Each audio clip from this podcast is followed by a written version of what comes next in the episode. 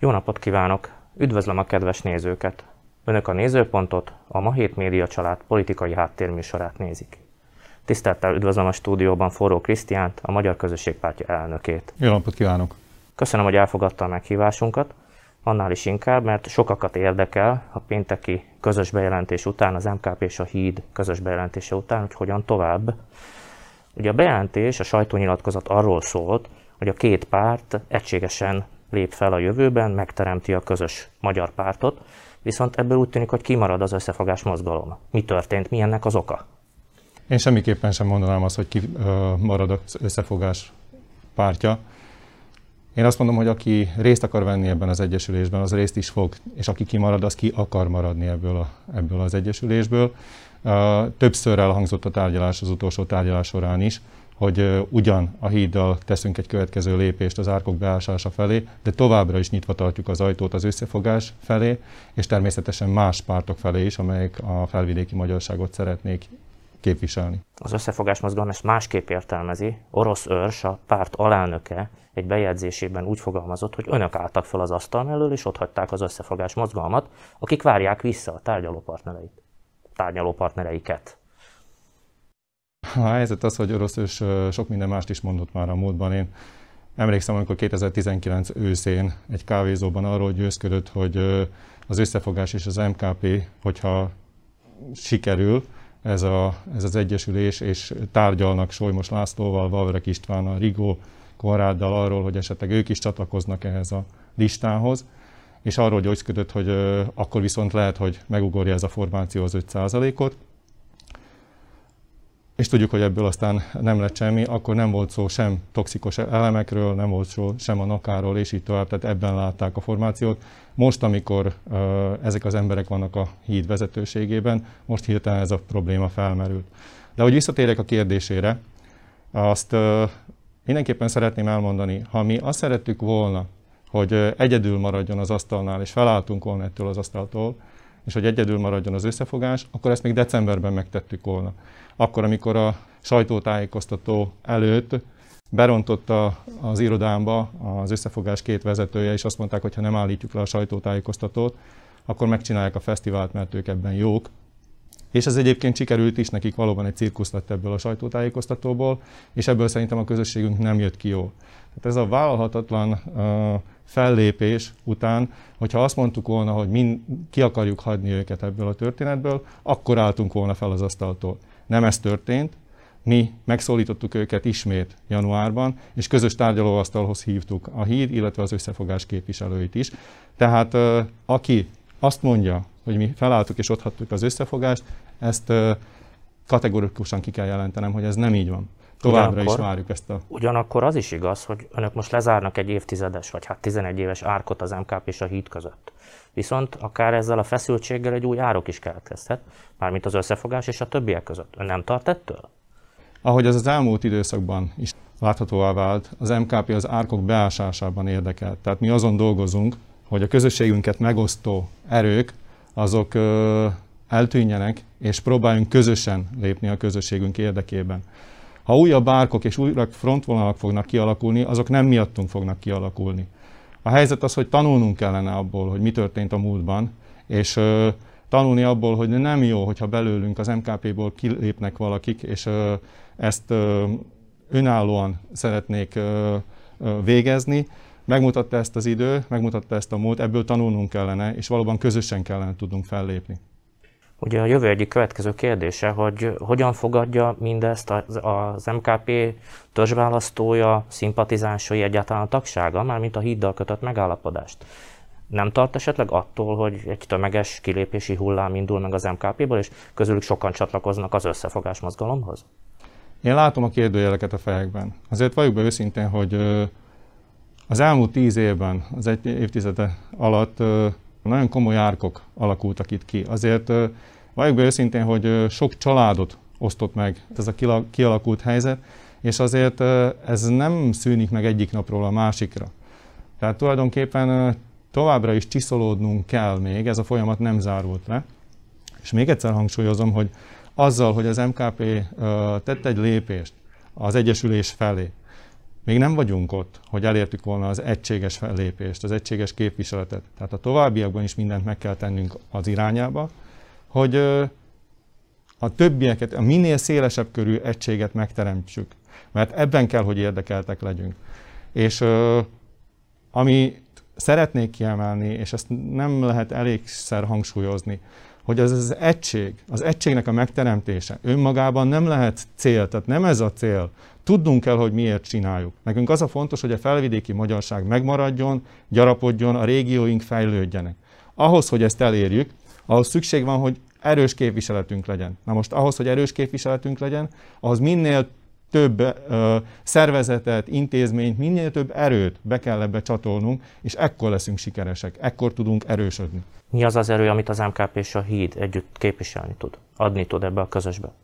Hát azt mindenképpen látni kell, hogy jelen pillanatban, ha összeszámoljuk azt, hogy milyen erőt képvisel az MKP, illetve miért a HÍD, akkor ki kell, hogy mondjuk három megyei alelnököt ad ez a két párt együtt. Ezen kívül 44 megyei képviselőt, 270 polgármestert. Ezek olyan számok, és ez egy olyan erő, aminek köszönhetően, hogyha a kettőt összeadjuk, a második legsikeresebb párt lett Szlovákiában. És ez egy óriási erő, amivel, amivel rendelkezünk, és ezt ne dobjuk sútba, és ö, ne ezt félváról. Ez egy fontos, fontos erő, ami a közösségünket szolgálhatja. Nem lehet, hogy azon kezdünk el küzdeni, hogy ez miért miért nem jó. Lássuk azt, hogy ez egy erő, és ezzel az erővel rendelkezünk. Azt kérem, hogy térjünk még vissza mégiscsak, hogy hogyan fogadja az MKP szavazótábora a hiddal kötött megállapodást. Egyes értelmezések szerint most egy új vegyes párt születik az MKP és a híd házasságából. Egyetért ezzel az állítással? Nézze, ezt, ezt az állítást, ezt egyre gyakorlabban hallunk, hallom a, az egyetlen magyar nyelvű kormánypárti portál oldalain, és ezt kategorikusan ki kell jelentenem, hogy ez nem igaz. Én értem, hogy miért ez a szándék, hogy e felé tolja a közösségünket, és ezt próbálja sugalni, ugyanis a szlovák pártok részéről egyáltalán nem érdek az, hogy a magyar közösség megerősödjön, és egy közös, közös politikai képviselettel tudjon előállni. Ugyanis, amíg nincs egy erős képviselet, addig a szlovák pártok a zavarosban halásznak tulajdonképpen, és tudnak gondolkodni platformokban, magyar platformokban, uh, tudnak gondolkodni azban, hogy hogyan, hogyan tudják tulajdonképpen a közösségünket gyengíteni, és átvenni a mi választóinkat, a mi polgárainkat saját oldalukra. Tehát nekik ez a helyzet megfelel, én ezt értem. Viszont ezzel nem érthetünk egyet, és mindent meg kell tennünk azért, hogy valóban egy egységes képviselet legyen, és egyébként, hogy megint csak cáfoljam azt, amit ez a portál próbál sugalni, Decemberben a HÍD és az MKP közösen kiadtunk egy 12 pontból álló nyilatkozatot, amit egyébként az összefogás is jóváhagyott még azelőtt, és abban szerepel az, hogy ez egy magyar párt lesz. Egy magyar párt, amelyik a, az általunk lakott régiókat és a velünk együtt élő nemzetiségeket fogja képviselni. Tehát ennél világosabban szerintem nem lehet kinyilvánítani azt, hogy ez egy magyar párt lesz. Ugye mégiscsak adódik a kérdés, ha megállapodtak a híddal, akkor mi a további forgatókönyv? Egyelőre erről konkrétumokat nem árultak el. Most megtenné nekünk, hogy elmondja, hogy körülbelül mikor várható, hogy megismerjük ennek az új pártnak az alapszabályát, akár a személy összetételét az új vezetésnek. Mikor alakulhat meg ez az új párt? Az új vezetés személyi összetétele, az természetesen a kongresszustól, az alapító kongresszustól fog függni, viszont addig még nagyon sok feladat vár ránk. Természetesen az, hogy mikor fog ez a kongresszus összejönni és dönteni, az attól is függ, hogy a járványügyi helyzet mit fog engedni, és így tovább. De azt szeretném hangsúlyozni, hogy még rengeteg feladat áll előttünk ezzel kapcsolatban. Ahogyan is említette, az alapszabály kérdése. De így ugyanilyen, sőt, talán még fontosabb dolog a, a polgárok szempontjából a programnak a kidolgozása.